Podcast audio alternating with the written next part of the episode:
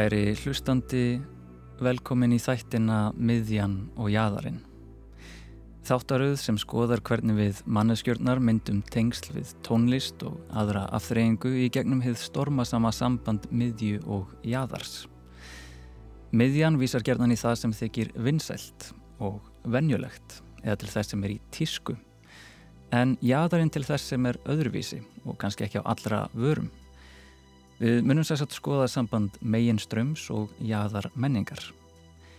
En hugtökin miðjan og jæðarinn ná einnig inn á svið sagfræði og stjórnmála og það má notast við þau til að greina hið umdelda okkur, vestrænt velferðafólk frá hinum, undanskildum hópum fólk sem deila ekki endilega þjóðurni eða litarafti eða trúasanfæringu og svo framvegis. Miðjan og jæðarinn geta sem sagt átt við um ráðandi öll og jæðarsetta hópa. Verkefni þessa þáttar er að rannsaka tengsl, miðju og jæðars í tónlist og hvaða áhrif þau kunna hafa á samfélag okkar og sögu. En líka að rannsaka tengsl, miðju og jæðars í samfélagi okkar og sögu og hvaða áhrif þau hafa á tónlist. Þetta hljómar kannski eins og einhver svart-hvít greininga aðferð á markbreytilegt listform og flókin félagslegan veruleika nokkur skonar smættandi tvíhyggja jafnvel sem skiptir hlutum í tvent og dulbýr þá sem andstæður. En ég lofa, þessi tvíhyggja er dulbúin fjölhyggja. Fjölhyggja sem dregur reyfanlegar línur og skapar vikslverkandi mæri. Aðferð sem dregur knippi frá bundi, dass frá slatta, klýpur frá stykkjum, jæðra frá miðjum. Jaðar er nefnilega sjaldan einhver ein skilgreind eining á spórbaug í kringum eina afmarkaða miðju. Jaðrarnir eru yfirleitt margir og oft óljósir flögtandi í kringum eða á milli margra miðja sem taka sífældum breytingum með tímanum. E, já, þetta hljómar kannski svolítið flókið en þessi aðferð er, þegar öllu er á botnin kvólt, bara fín afsökun til að gramsa aðeins í veruleikanum skoða menningu, stjórnmál og sögu frá mörgum mismunandi sjónarhornum og umfram allt er þetta fín afsökun til að hafa gaman, setja fram einhverjar klunalegar kenningar um heiminn og tilvöruna. Í hverjum þætti er ætlunin að króa af og skoða ein eða tvö tengsl, miðju og jæðars. En þegar ein slík tengsl eru gömgefð sérstaklega koma yfirleitti ljós innbyrðis reyfingar, miðju og jæðars og það er einmitt sádans sem við viljum skoða. Segjum að eitthvað menningafyrirbæri kvikni á jæðrinum og leki hægt og rólega inn í miðjuna, eitthvað eins og lópapeisan sem var að mestu dottin út úr hversteginum og þótti nokkuð lummó, en eftir efnhagaskreppuna 2008 komst hún í tísku í gegnum sparnaðar hugssjón og krútt tónlist. En slík vinsælda miðja á það til að hverstagsvæða fyrirbæri um of, þannig að þau missi bit sitt og drattast aftur út á jæðar eins og þegar blessuð lópapeisan varðað vörumerki með ferðamannaströmmnum, fór í velræna framleiðslu Erlendis og varð fyrir vikið nokkuð óspennandi aftur, en óspennandi á annan hátt. Lópapeisan hafði þannig komið frá hallarislega jæðrinum inn í tísku miðjuna en rúlað síðan aftur út á jæðar í kjölfar fjöldaframleiðslu og hverstags væðingar. Það er einmitt þetta munstur sem við ætlum að skoða í þessum þáttum, einfalt og þægilegt En einnig viljum við skoða sögu og stjórnmála hliðina eins og hvernig hverskins valdamiðjur gleipa í sig menningafyrirbæri sem fæðast á jæðrinum eins og hip-hop tónlist sem varð bókstaflega til á jæðri New York borgar og var þá valdablandi reyfing fyrir lægstu stjettir samfélagsins en með tíð og tíma umbreytist þessi stefna í eina af vinsælustu tónlistarreyfingum heims þar sem risastór plötufyrirtæki blönduði sér í málið og tókuð að miklu leiti yfir reyfinguna. Jaðar og menningafyrirbærið varð geysi vinsæl, áhrifarík og valdamikil miðja en vinsælir hip-hop tónlistamenn dagsins í dag nota þó oft stöðu sína í þessari valda miðju til að vekja aðtekli á jæðrinum sem skapaði stefnuna. Í þessum fyrsta þætti af miðjunni og jæðrinum ætlum við að byrja hægt á yfirborðinu. Við ætlum ekki að skoða ákveðin menningafyrirbæri eins og lópapeisur eða hip-hop heldur ætlum við að byrja á að skoða tískuna sem slíka og þá líka kúlið sem slíkt. Það er að segja miðju og jaðarsamband tískunar og kúlsins. Það sem er í tísku, Það sem er vinsælt en líka venjulegt er að sjálfsögðu miðja sem við verðum sífælt vörfið í hverstagsleikanum. Við verðum fyrir auðlýsingum, heyrum pop tónlist í útvarpinu og sjáum fólkið í kringum okkur skarta mismunandi föttum og fylgihlutum sem eru svo sannarlega í tísku. Það sem við sjáum ögn sjálfnar er það sem er ekki í tísku en er samt spennandi. Já, vel meira spennandi. Jadarinn við það sem er vinsælt, við það sem er í tísku, það sem er cool. Og það er þar sem við byrjum, á jæðrinum. Hvað er kúlið?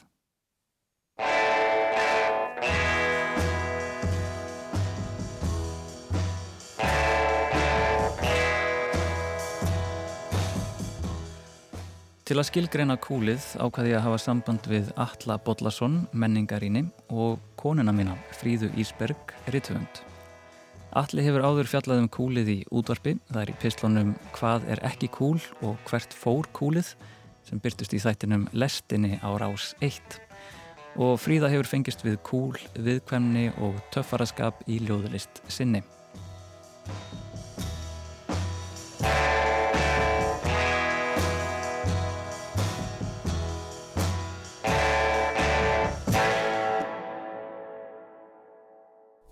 Ég held að sé ekki hægt að segja hvað cool er. Það er rauninu auðveldara að tala um það með neikvæðin fórmerkjum. Og hvað er ekki cool. Það er vegna þess að cool er svo breytilegt.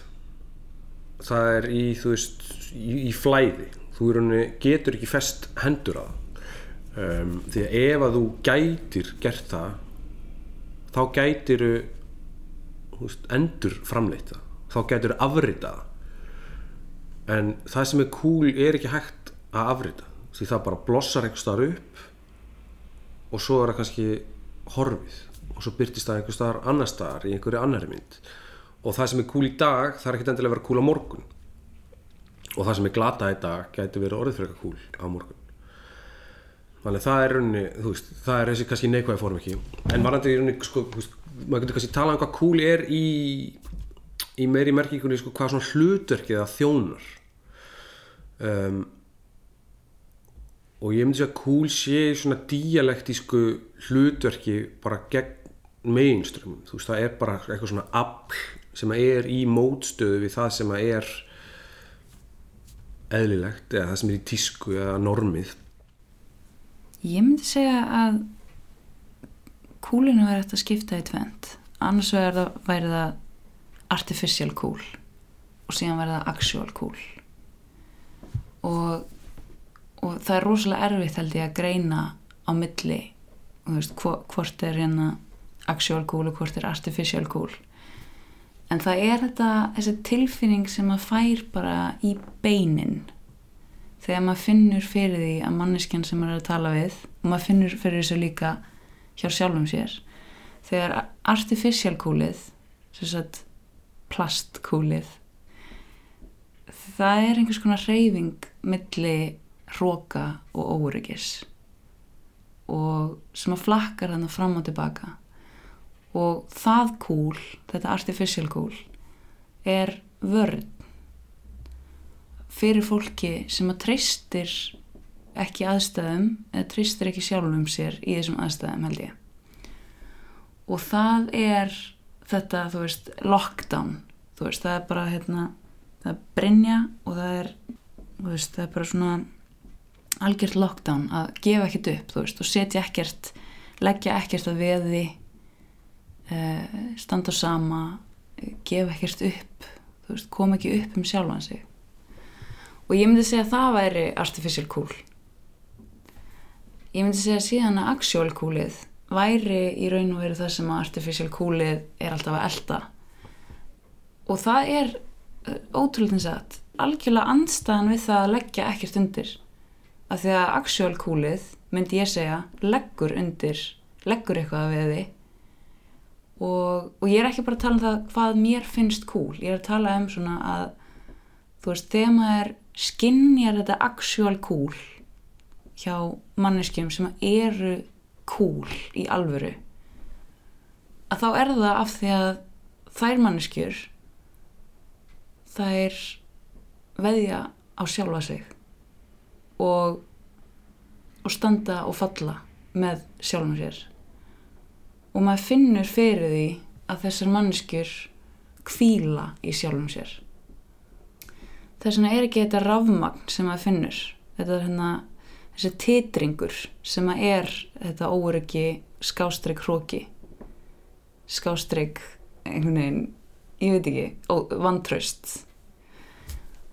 Þannig að þú veist, það er svo fyndið sko, því að þú veist, fólk sem að maður, maður í raun og veru finnur að, að hefur snert þetta kúl, þú veist, er með hlutild í kúlinu að það er það treystir aðstæðum og sjálfum sér og þarf ekki að vera að leika í einhverjum svona eldinguleik þú veist. Þetta er náttúrulega mjög huglegt og ég held að fólki hafi veist, fólki finnst þetta svolítið grilluð umræðið ofta því að veist, það sem að mér finnst skúl þar þér ekki að finna skúl. En ég er aftur kannski meira að tala um svona hlutverk, getur við sagt. Og mér finnst er einu ástæðan fyrir því að ég fór að hugsa um þetta kannski á þessum nótum var að mér finnst uh, ekkit svakalega mikið af cool dóti í gangi. Já við að mér finnst að fólk sé kannski ekki að reyna að vera nógu cool í einhverju skilningi. Uh, mann er stundum kent sko að ma maður eigi ekki að vera reymbast að vera cool. Og það er svo alveg rétt en það er samt ákveð, ég held að cool sé eitthvað sem að fólk eigi samt að það á að vera markmið sem það hefur. Um, og mér finnst ég sjá svolítið mikið í dag að það er unni þetta rými sem að kannski í, veist, mér fannst cool þegar ég var bara eitthvað, veist, aðeins yngri það hefur alveg sógast inn í meginströmmin og meginströmmurinn hefur glift svo mikið af því sem að kannski áður var cool. Og ég meina þú veist ákveðist dæmi um þetta er bara þú veist þetta þú veist, íslenska rap eða eitthvað sem er í gangi sem að er ekki neitt sem er ekki neittni sko það er ekki núningur millir þess og, og popsins sem er allt öðruvísi heldur en var held að minnst þú veist þegar í fyrri íslensku rapbylgjunni Það fer samt svo mikið eftir bara hvernig þú skilgrinni cool að því að þú veist, ef við erum að tala um hvað er cool hverju sinni þú veist, að þá myndi ég einhvern veginn, ég myndi alltaf tellja það vera artificial cool. Að eldast við tískuströma þú veist, mér finnst það að vera artificial cool. Mér finnst það að vera hérna, fólk sem er í á hlaupabretti að bara, þú veist, eldast við einhverja gullrót sem er fyrir framæði, skilur, sem getur aldrei, þú veist, náð. Og hérna jú, þetta tengist að því að cool er að reyna að sannfæra okkur og reyna að draga okkur eitthvað en þú veist að sama skapi að þá einhvern veginn vitum við þú veist að e, það eru ákveðnar manneskjur sem eru bara alltaf cool og standa alltaf fyrir sínu einhvern veginn. Minnst það svolítið svona úlingsleg hugsun um cool að coolið sé sífælt sé svona þú veist eins og, eins og tíska sko. Mm. skilur við mm. að þú veist að coolið sé færanlegt þannig að við þurfum alltaf að fá okkur ný og ný född Þú veist, vörumerki eru ekki cool sko. Þú veist, þau þú veist, það að halda út í vörumerki gengur bara það að reyna að vera cool en ég meina bara, bara by definition getur eiginlega ekki orðið það raunverulega sko. Og því stærri sem þú ert því ólíklara er að þú náður því. Þú veist, mér finnst þú skrítið að sjá alltaf þess að krakka í þú veist veist, með þessi stóru Adidas merki, skilju að þetta er bara einhver risi sem hefur svo lítið með það að vera svona einhvern veginn, þú veist, utameldu og öðruvísi og, og svona í smá mótstöðu að gera. Og það er, finnst mér bara svo skrít að því að ég allavega og bara svona mér finnst mér líður eins og mjög mikið fólki kringum mig við hugsaum fyrst og fremst um þetta hvernig getum við rauninni verið á veist, öðruvísi heldur en það sem er í miðinni ekki hvernig getum við verið eins og heldur hvernig getum við verið öðruvísi? Hvernig getum við greint okkur frá því? Og það því fylgdi svona einhver tilgangur skil. það var eitthvað svona kannski veist, það var bara ákveðin hugmyndafræði. Uh, og hún var kannski ekki endilega kerað áfram að einhverju hatri en meira bara af já, ég meina einhvern veginn aftur kallaða bara dialektik bara að búa til eitthvað nýtt bara að verða ekki eins og það sem er fyrir og það sömuleiti er það myndi ég segja svolítið svona andstæðan við svona hugge sko. við svona eitthvað kósi dæmi er það áheimitt alltaf að vera það verður að vera einhver, einhver hætta í því sko. og þú veist einmitt, einhver svona útópía er ekki það áhört ástanda því það er henni veist, það er stopp það er ekkert að gerast þar það er engir ströymar af því það er engin, veist, það er engin háþristisvæði það er engin láþristisvæði það er bara staðið loft í útópíu Það er bara svona Excel-skjál í raunin. Það er búið að setja allt í kassa. þú setja allir kassana og það er búið að læsa þeim skil. þú getur ekki breytt neinum, neinum gildum og það er held ég bara óslega leiðinlegt ég held að veist, einhver já bara mjög miklu er snýst menning um átök sko. um já, einhver póla sem að mætast og, veist, um spennuna á millir sko. bókstæli, ég, hug- ég hugsa bara svona segulspennu, þú veist, með tvö segulstál sem að sem er að, hérna, sem getur ekki komið saman, sko, það þú veist, það er svo, það er svo ókslega svona satisfying að gera það, sko held að það sé svolítið það sem að það er spennan eða það er aflið sem að kúla á að vera búa til. Þetta sem er á milli segulstál mér finnst, mér finnst óslega hættulegt að blanda kúl við neyslu til dæmis. Já. af því að þú veist, það er náttúrulega búið að blætisvæða vörur og það, teng, það er búið að kúlvæða neyslu og kúlvæða þannig að við þurfum sífelt að fá ógeð á því sem við erum í að fá ógeð á hérna, líðandi tís, tískuströymum í listformum eins og tónlist, þú veist, við getum ekki hlusta endalist á hip-hop, við erum að fá eitthvað nýtt núna. Að þú veist, en það er úrslega hættulegt finnst mér að segja að kúlið sé takmörku auðlind og það verði að færast um stað þú veist, af því að þá þurfum við að eigða pening til þess að fá nýtt og nýtt kúl einhvern veginn. Og getum aldrei komist á einhvern endastað og kvilt í okkur og verið kúl, raun og veru. Þú veist, það er það er úrslega kúl að vera bara í sömu lópapausinni og hlusta bara á fucking Bob Dylan skilur í marga áratví þú veist, það er alveg cool Myndir þú að segja að hugge lífstíl væri kannski svolítið cool? nei, huggi er, og það er búið að marka sér þetta huggi svo mikið að það er á hreyfingu alveg jafn mikið og allt hitt sem er verið að selja okkur Þannig að þetta er kannski svona sjálfstæði sem lætur ekki stjórnast af markanum. Mér finnst nefnilega akkurat það að vera að cool, ég meina hvaðan kemur cool? Cool er að vera ísjaki, skilur við. Þú veist, að vera bara, þú veist, vera bara hérna standa á sama og þegar þú stendur á sama þá ertu ekki að hlaupa á eftir einhverjum nægskóm, skilur til að vera cool. Það er kannski í orðsifjafræðinni eða bara í þýðingu orðsins ásakið að þetta er, þetta er kalt, kólnar en líka hægist á. Þú, þú ert afslöpuð, Já, uh, gagvart þessum asa já. sem, sem markaðurinn er að reyna að drífa fram, áfram og hraða.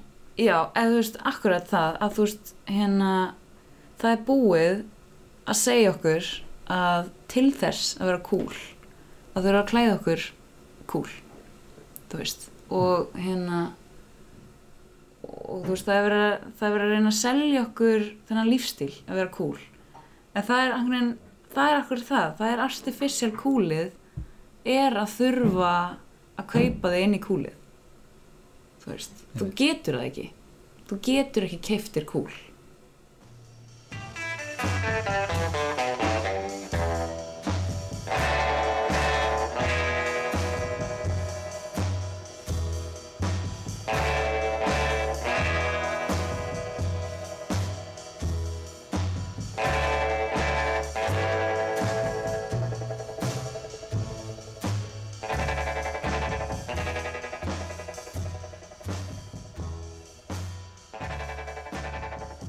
Alli Bodlason lýsir hér kúlinu sem afli, dialektísku afli sem setur sig í gaggrínar stellingar gagvart meginströmmnum og myndar þannig spennu við það sem er í tísku, en þarf samt alltaf að skilgreina sig gagvart tískunni.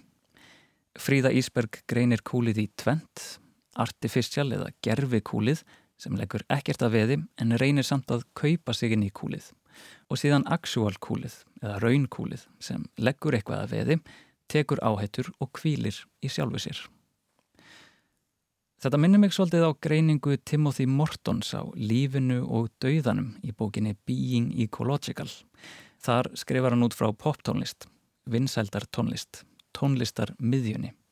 Hann skrifar Poptónlist er uppfull af dauða og dauðin er kósi. Dauðin er regluleg endurtekning, dauðin er kraftmikill og sannfærandi. Lífið er brótætt og hráslagalegt. Sankvæmt Morton er dauðin góð söluvara. Hann er þetta frí sem varan býður okkur eftir erfiðan vinnudag. Þegar við erum úrvinda viljum við geta slakað á með þægilegu áreiti. Við horfum á sjónvarsþætti sem hlæja fyrir okkur, hökkum í okkur salt og sigur eða súpum áfengi til að róa líkamann og hugsunina. Við viljum eitthvað sem slettir tímabundið úr kvössum hliðum veruleikans. Dauðin er skjólið undan lífinu. Dauðin er miðjan. Lífið hins vegar er jáðarinn. Það sem gæjist inn, eða það sem er þegar til staðar en jafnan virtað vettu í. Lífið er flóin sem kemur inn með kettinum, lífið eru allar bólurnar í baðherbyggis speklinum. Lífið er kvíðin sem stelur aðtiklinni frá sjónvarpinu. Það er vindurinn sem smígur í gegnum þakplöturnar eða kannski öllu heldur vindurinn sem feikir þakplötunum af húsinu. Flóðin sem skrýða á land, sífæld hitamet, sífæld kuldamet, eldar í regnskóum og allar slæmu fréttirnar. Lífið er hreinskilið og leiðilegt. Það er óþægilegt, það er áhætta og það leggur okkur sífælt að veði. Lífið er blús.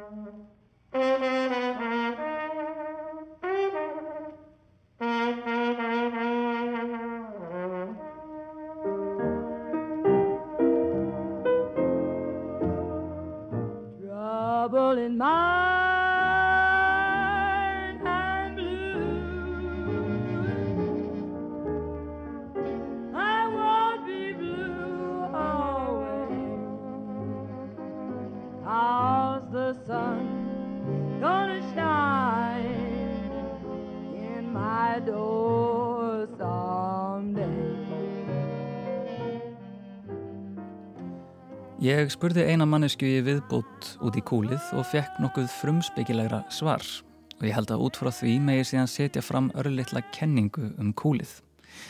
Hér er Örvar Smárasson, tónlistamæður.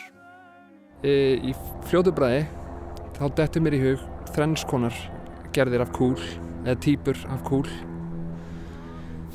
í fyrsta lagi dettur mér í hug kúl eilíðarinnar sem er það sem að er ósnertanlegt fer sína eigin leiðir sína eigin leiðir eins og vindurinn eða eitthvað svona þetta getur átt við tónlist eða fólk eitthvern eða eitthvað og þetta kúl einhvern veginn lifir. Og svo er kúl augnabliksins sem er uh, miklu erfiðar skilgrina en það er bara eitthvað eins og í tónlist eitthvað sem þú heyrir bara eitthvað eitt slag eða bassalína eitthvað og þú hugsar þetta er kúl. Þú veist ekki af hverju en þetta er kúl. Augnabliki setna er þetta kannski bara horfið sko. og svo er þetta kúl straumanna. Það er þriðja kúlið. Það er svona þessi straumar og stefnur. Það er eitthvað sem að ég held að maður taki frekar eftir þegar maður er ungur. Ég er eiginlega orðin blindur á það hvernig þetta hvað er kúl og hvað ekki í straumum og stefnum en kannski með smá fjarlægt sé ég frekar hvernig það virkar því kúl straumanna er svolítið eins og öldur sem koma inn og út eða flóð og fjara.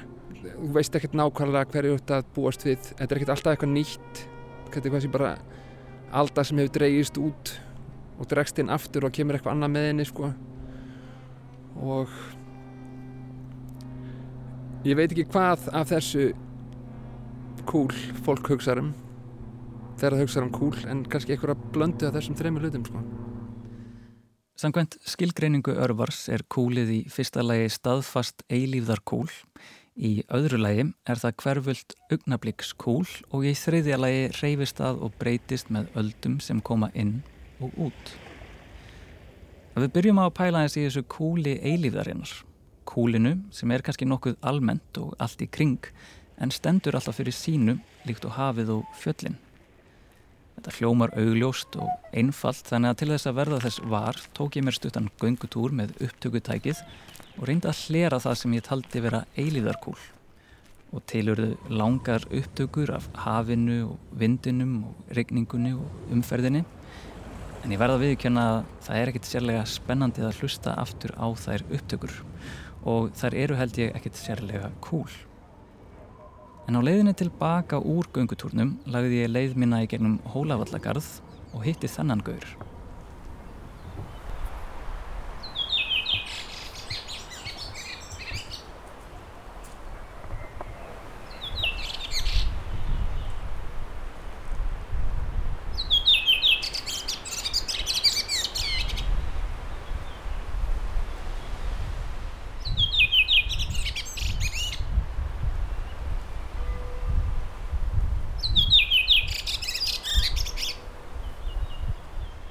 Fugglasöngur kemur ekki í ströymum og stefnum, heldur kemur hann bara og fer og er alltaf svolítið kúl og ég tel hann vissulega að vera eilíðarkúl.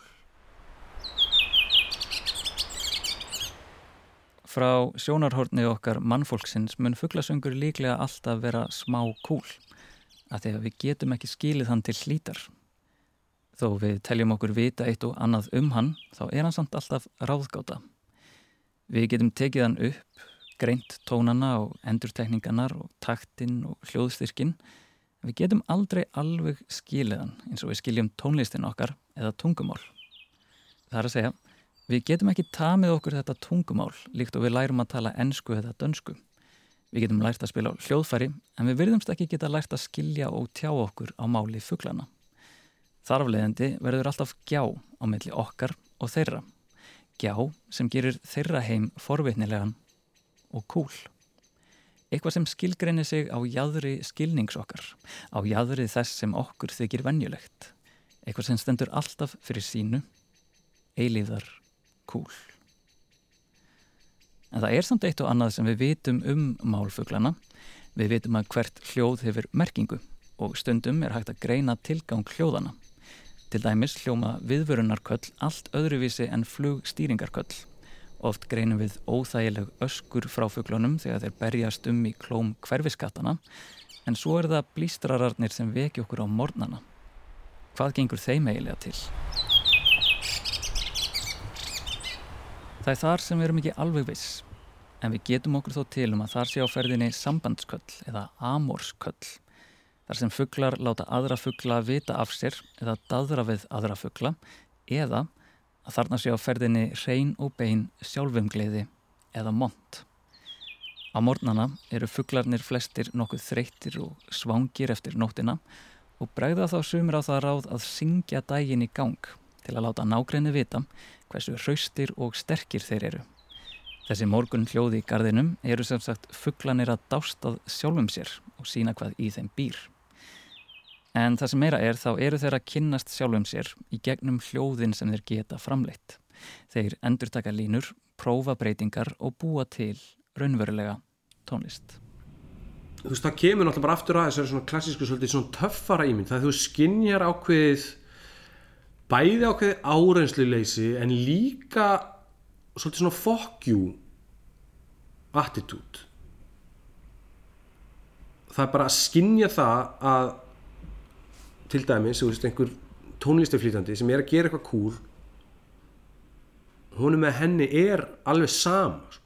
og hún er sama um hún er henni sama um þig sem jafnvel sko áherinda sko. og sama um eh, verk sín í sögulegu samhengi eh, eða, eða einhverju öðru listræðinu samhengi og þetta er held ég svolítið svona veist, að geta að- finna einhverja svörun í þessu er úrslega nærandi því það er svona svona valdeflandi í smá stund. Þú veist, þér líður eins og þú þurfir ekki að taka þátt í öllu kjaftaðinu sem er í gangi. Að þú, að það sé eitthvað já, það sé í rauninni bara annar valkostu, sko, það sé alternatív Fuglinum er alveg sama. Hann blístrar út í morgun þögnina og við annarkvort dáumst að hljóðanum eða pyrrum okkur á þeim. En við berum samt virðingu fyrir þeim og í fjarlægð finnst okkur þau nokkuð kúl. Eilíðarkúl. En ég tel að fuglin sé að reyna að tegja sig í allt annars konar kúl. Frá hans sjónarhorni er hann líklegast að reyna að skapast hér eða öðrum augnablikkskúl. Þessa einu laglínu sem maður heyrir og hugsar, hm, þetta er kúl.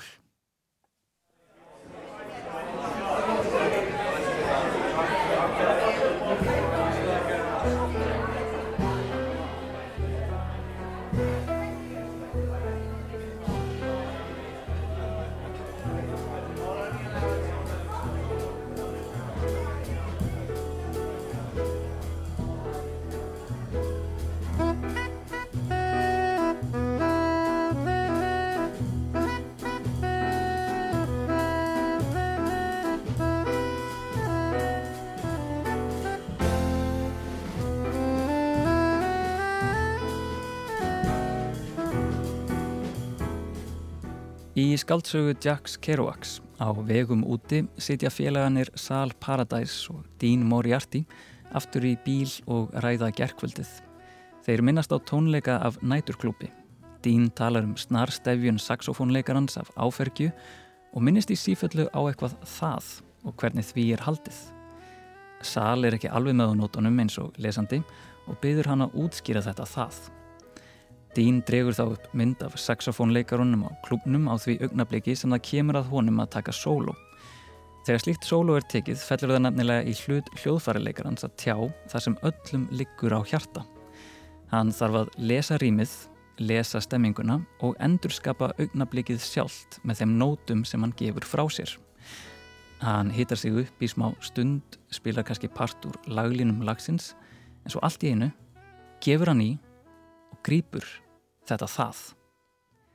Kerouac skrifar Tíminn nemur staðar. Hann er að fylla tómið sjálft með sjálfum kjarnar lífsokkar. Játningar neðan úr evans kviði. Hann verður að blása yfir brýrnar og koma síðan aftur tilbaka og gera það með slíkum óendanlegum tilfinningum af slíkri sálkönnun til að ná að grípa þann tón sem andartakið er. Að allir vita að það er ekki sjálfur tónnin sem skiptir máli, heldur það. Ég tel þaðið í skaldsögu Kerouacs vera þetta augnabliks kúl og snýtt það um að grípa þann tón eða orð eða hugmynd eða reyfingu sem andartakið er hverju sinni. Ef andartakið er gripið með þeim hætti myndast opnun í veruleikanum og okkur finnst aðtöfnin tjá eitthvað sem okkur liggur á hjarta. Jável einhvern kjarna í tilverunni. Lífið. En eins og hugtakið gefur til kynna þá getur þetta kúl aðeins varað í augnablik.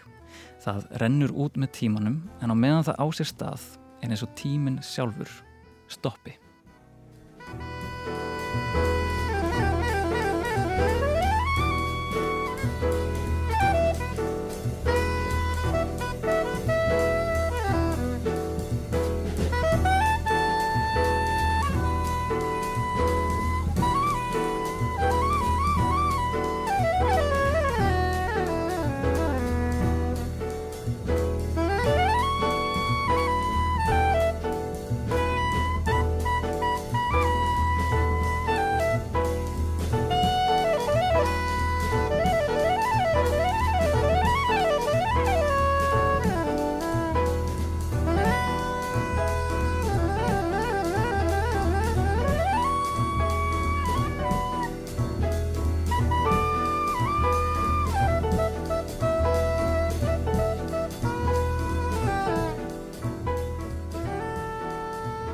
Augnablikkskúl og eilífðar kúl eru svipuð af vissu leiti.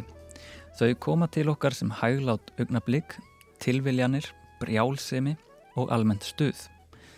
En það sem ég til greina þau sundur er ætlunin. Fugglasöngurinn í Hólavalla kirkjugarði var ekki beint ætlaður mér. Fjöllin, hafið og tunglið sína sig ekki fyrir okkur, heldur eru þau bara þarna. Útlitt þeirra og stemming eru ekki ætluð neinum, heldur eru þau bara það sem þau eru og eru á vissan hátt óaðgengileg. Kúl augnabliksins er ætlað einhverjum. Það er hugmynd, reyfing, stef sem leitar út. Það streymir um loftið, tilbúið að vera grepið af eirum eða viðtækjum og upplifað. Það sem ég til örvar vera að tala um í augnablikskúlinu er þegar einhver skilabóð berast manni gaggjert eða fyrir tilviljun og hafa áhrif á mann. Skilabóð sem ná inn fyrir skrápin og síurnar. Eitthvað sem tjáir það sem manni liggur á hjarta og er ætlað manni á beinan eða óbeinan hátt. En eftir stendur þá þriðja tegund kúlsins, ströyma og stefnu kúlið. En þar vandast málið aðeins og við línurnar millir þess sem er kúl og þess sem er í tísku verða skýrari. Það er hérna sem valdið stígur inn, pólitíkin og hagkerfið og tilverða hersingar af fólki sem vilja framleiða eða skilgreina nýtt kúl og selja okkur greiðan aðganga því. Dauðin stígur inn.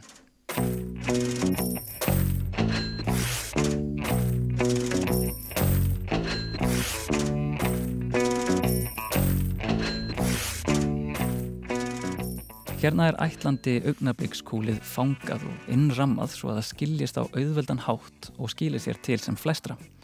Ströyma og stefnukúlið og tískan einkennast af yðandi hagkerfi söluvara. En hvaða vörur er í tísku og hvaða vörur eru kúl? Eða kannski öllu heldur, hvaða vörur skildu innihalda raunkúl og hvaða vörur skildu innihalda einbert gerfikúl? Þar myndast viglínur. Ströyma og stefnu raunkúlið er reyfing sem leitar burt frá tísku og í raun bara eitthvað annað. Það er flótti frá hennu almenna, flóttin frá dauðanum.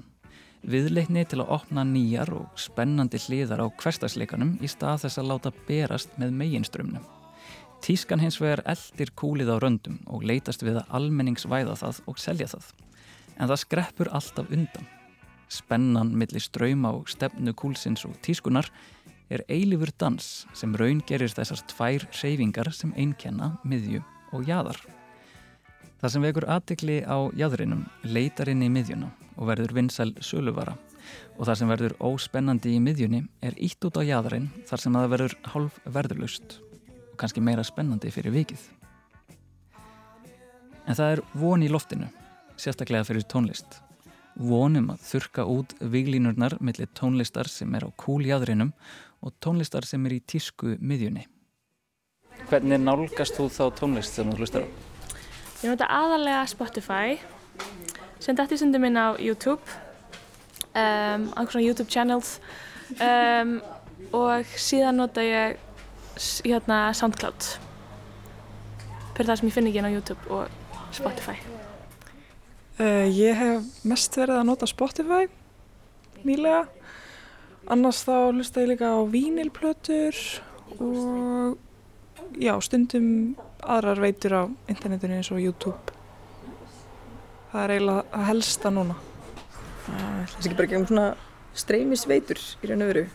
Spotify og einstaka YouTube tími og já, þú veist, ég á vínilplötu safn en plötuspilarinn minn er búin að vera dáin í ár þannig að já, jú ætla það sé ekki bara þannig, að mestu. Vonin felst í aðgengi, nánast óendanlegu aðgengi. Tónlistar neytundur hafa á síðustu árum öðlast alveg ótrúlegt hlustunar úrval. Streymisveitur eins og Spotify og Tidal og vefsíður eins og Bandcamp og Soundcloud hafa opnað risastóra tónlistarheima fyrir notendum sínum. Fyrir mánagalega upphæð hefur hver einstaklingur miklu, miklu, miklu meira aðgengi að tónlist en hefur nokkur tíman verið í bóði. Aðgenginu fylgir svo draumurinn um að viglínur tísku og kúls þurkist út eða verði allavega töluvert óskýrari. streymisveitan og vefsíðurnar fletja tónlistina út á vissan hátt þannig að það sem var áður sjálfgeft og jafnvel verðmætt byrtist nótendum núna á sama yfirborði og það sem er vennilögt og vinsælt. Það sem er cool og það sem er í tísku byrtist núna sem hvítur teksti á svörtum bakgrunni sem þarf einfallega að smetla á til að heyra. Á slíku flatlendi myndi maður halda að neytandin myndi vafra á milli tónlistamanna, tónlistastefna, platna, laga, lagalista, útvarp, stöðva og finna hvað kemur honum til. Að hver einstaklingur, líkt á söngfuglin að morgni, finni sjálfa sig í gegnum tónlistina í forritinu eða á síðunni í stað þess að fylgja tísku ströymum eða kúl kaplöpinu.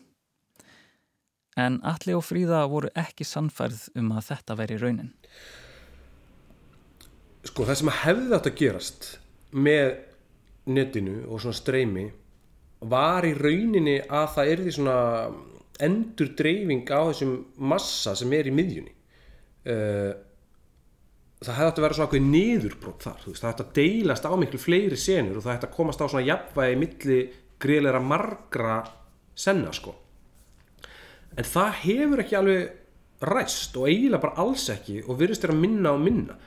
Meginströmmurinn hefur ég held sko að hann væri bara að fara að slitna í sundur sko að, að þú veist að stórsaga samfélag væri að fara að liðast í sundur og það er því svona til svona meira svona svona anarkískara batteri þar sem að þú veist hver svona stór hópur hefur bara sína sögu og svolítið svona sinn kultúr en það hefur ekki ræst um, og ég held að þú veist þetta sem þú lýsir með því að hafa allan heiminn undir þegar maður opnar Spotify er mjög mikil tálsín af því að eh, Spotify er bara eins og risastór útastöð sem er með alveg ja, þú veist, sterka playlista eins og veist, hvaða ömulegu kommersial stöðvar í bandaríkjunum sem er. Og þú veist, ég man ekki nákvæmlega tölutar en þú veist, ég held að veist, 90% af öllu sem er strengt á Spotify eru bara einhver, einhver nokkur lög og nokkrir artistar. Og allt hitt er svo bara í mýflugumynd. Og megnið sem það er inni hefur aldrei verið spilað. Og hvers vegna er það það er náttúrulega bara vegna þess að þessi er handstýrt. Og ég meina hlutafarnir í Spotify eru bara sömu fyrirtækin og, og domineruðu geisletiska markaðin skiljið um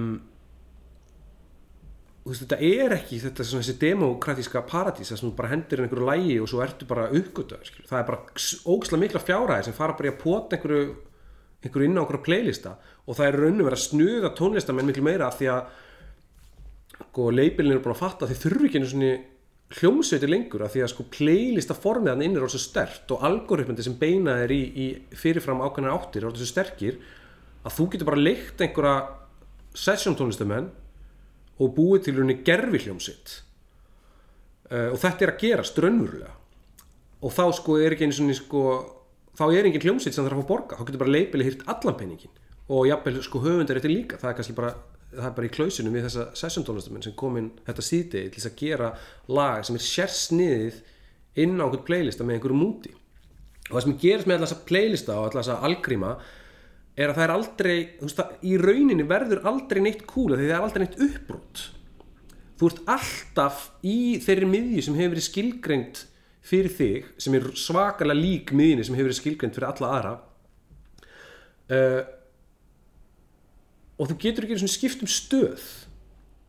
Þú getur farið að funda eitthvað annað en, en það er ekkert sem ítir þér í þá átt. Það er ekkert sem ítir þér í að leita að einhverju sem er meira cool heldur þess að það sem þú ert að hlusta veist, þá eru allir síðan bara komnir hann að bara festast hann inn í einhverju svona miðju bólu sem að er skilgjönd á ofan sko. Sjoppilegu sveitabala helviti uh, Ég get náttúrulega bara að tala út frá minni eigin nótkun á streymisveitum en mér líður svolítið eins og Spotify og Tidal og þessar streymisveitur hafa bara svolítið lokað mig úti. Og þetta sé einhvern veginn svona reysastórt hús fullt af tónlist. En ég bara, þú veist, þegar ég opna þessi forrið að þá dettu mér ekkert í hug að hverju ég á að leita. Og þegar ég fer í, þú veist, svona það sem er búið að velja fyrir mig að þá er það bara eitthvað svona, þú veist, algjörlega legsti samnefnarinn og þú veist, já, þetta er náttúrulega kannski einhver grunnur af mínum tónlistasmekk en ég nenni ekki alltaf að hlusta á það. Og síðan þegar ég fer í, þú veist, þetta er svona uppgötuð eitthvað nýtt, að þá er ég bara óþálum á fyrir það. Af því ég vil ekki kynnast tónlist svona ég vil kynnast tónlist í gegnum plötur ég meina auðvitað er það líka alveg í bóði en ég bara, þú veist þetta er bara, það kemur bara eitthvað svona óþölunmæði og ég verð bara svona alveg ótrúlega meðaldra inn í mér og líka bara eitthvað svona valkviði eða þú veist svona, þú veist svona það er of mikið í bóði þannig ég vil ekki neitt nefn eitthvað sem ég bú, hef hlusta á miljón sinnum. Og mér finnst líka eða YouTube, mér finnst það líka að vera svolítið svona þú veist, allt þessi svona, þessi net neistla að þú veist, ég er of óþölum og til að hlusta á lög út til enda á YouTube. Ég er bara svona svissa eftir fyrstu tvo þriðja, þriðjunguna sem er eitthvað sem maður gerir aldrei annars þegar maður hlusta á blötu eða geisladisk. Já, ég veist, ég er svolítið svona afturhalds söm, sko og íhaldsöm kannski bara og meðaldra inn í mér þegar kemur að þessu Nei, kannski má streymisveitur ekki út viglínurnar millir þess sem samkvæmt ströymum og stefnum þykir cool og þess sem er í tísku. Það er styrkja jáfnvel viglínurnar ef eitthvað er og hóta því að festa okkur algjörlega í miðju tískunar og þær geta líka valdið okkur valkvíða með stærðsinni. Vonin er kannski úti, viglínurnar eru eilífur dans tísku og kúls, miðju og jæðars En með þetta í huga skulum við taka saman kenningun okkar um kúlið.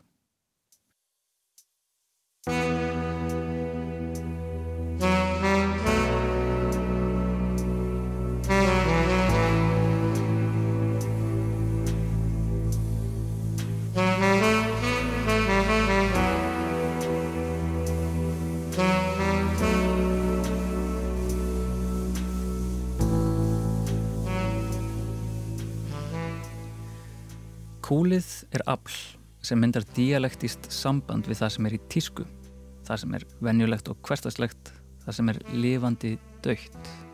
Það er jáðar við miðju. En þetta verist aðeins eiga við þegar talað er um kúlið sem kemur í ströymum og stefnum. Þegar kúlið er sett fram sem eitthvað fyrirbæri sem við getum auðlast, vöruvætt kúl, keift og selt. En þetta kúl sem við erum að reyna að fanga inn í hluti eins og född, plötur, kvikmyndir, faratæki og streymisveitur.